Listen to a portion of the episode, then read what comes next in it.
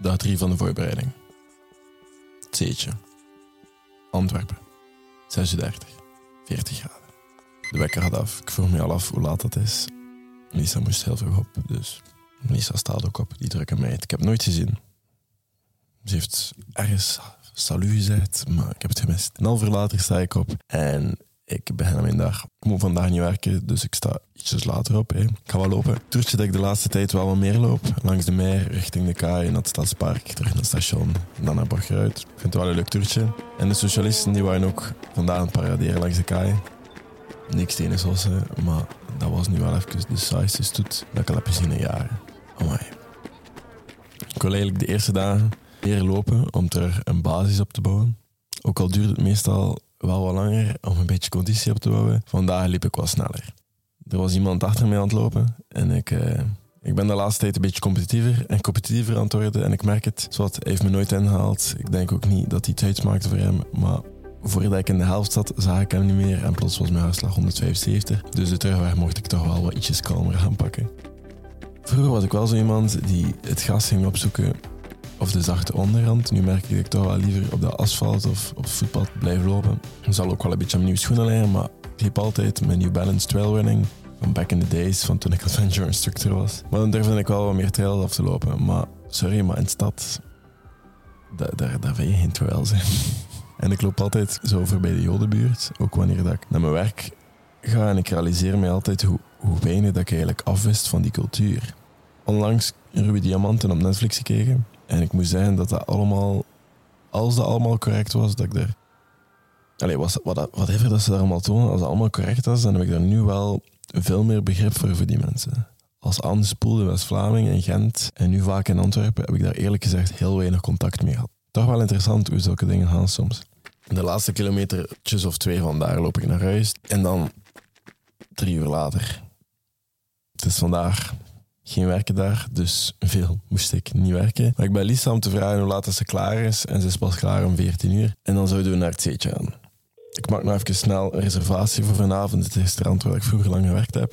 Uiteindelijk bleek, bleek de reservatie niet nodig te zijn, want zoveel volk was er niet. Maar ik reserveer toch wel altijd een keer op voorhand. Dan, dan ben ik zeker.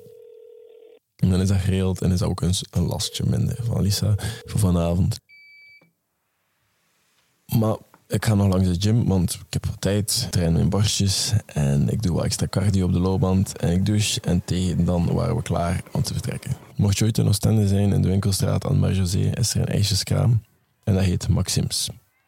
Volgens mij is hun tactiek echt rustig op de mak werken, zodat er een heel lange rij staat. Want er staat altijd een gigantische rij en mensen schuiven aan omdat ze nieuwsgierig zijn.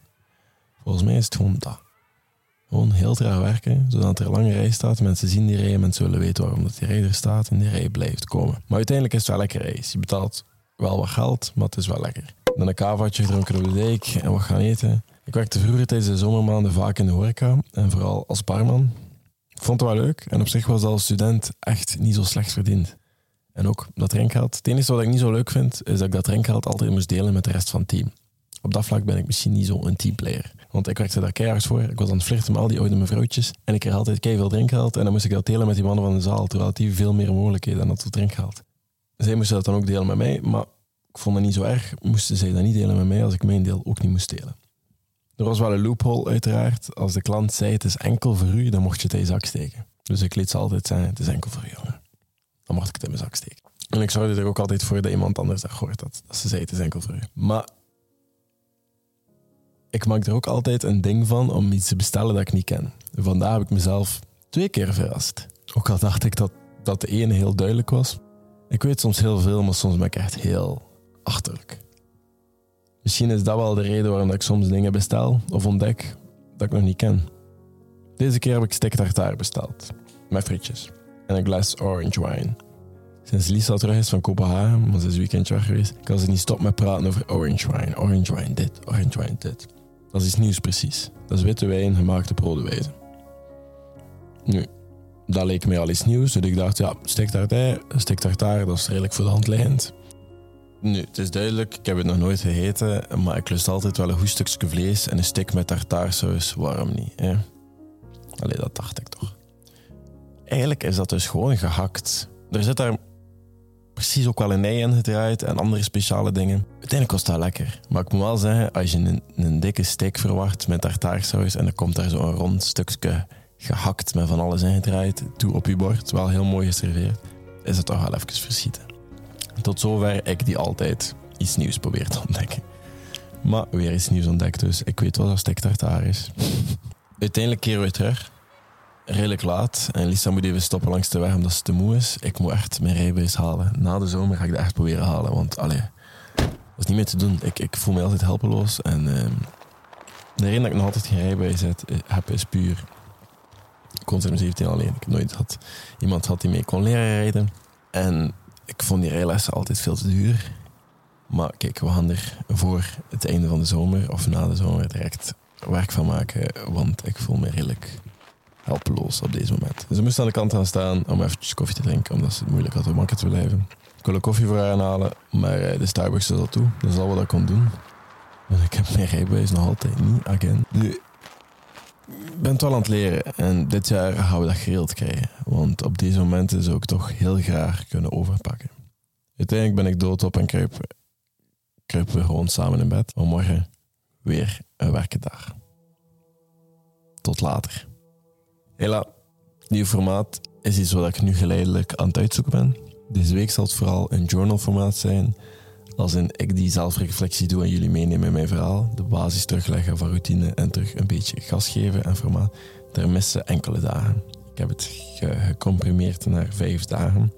Dus vandaar niet iedere dag, het is niet maandag tot vrijdag, maar het zijn gewoon vijf, min of meer op één volgende dagen. Maar vanaf Volgende week ga ik dan terug een beetje gas geven en tegelijkertijd ook soms een beetje op de rem durven duwen. Vanaf volgende week zal ik ook het vorige formaat en dit formaat een beetje proberen verwerken. Zo wil ik nog altijd hebben over vragen die jullie kunnen stellen via totlater.be slash podcast. Dan kan je dat doen via een formulier of via een voiceberichtje dat je inspreekt.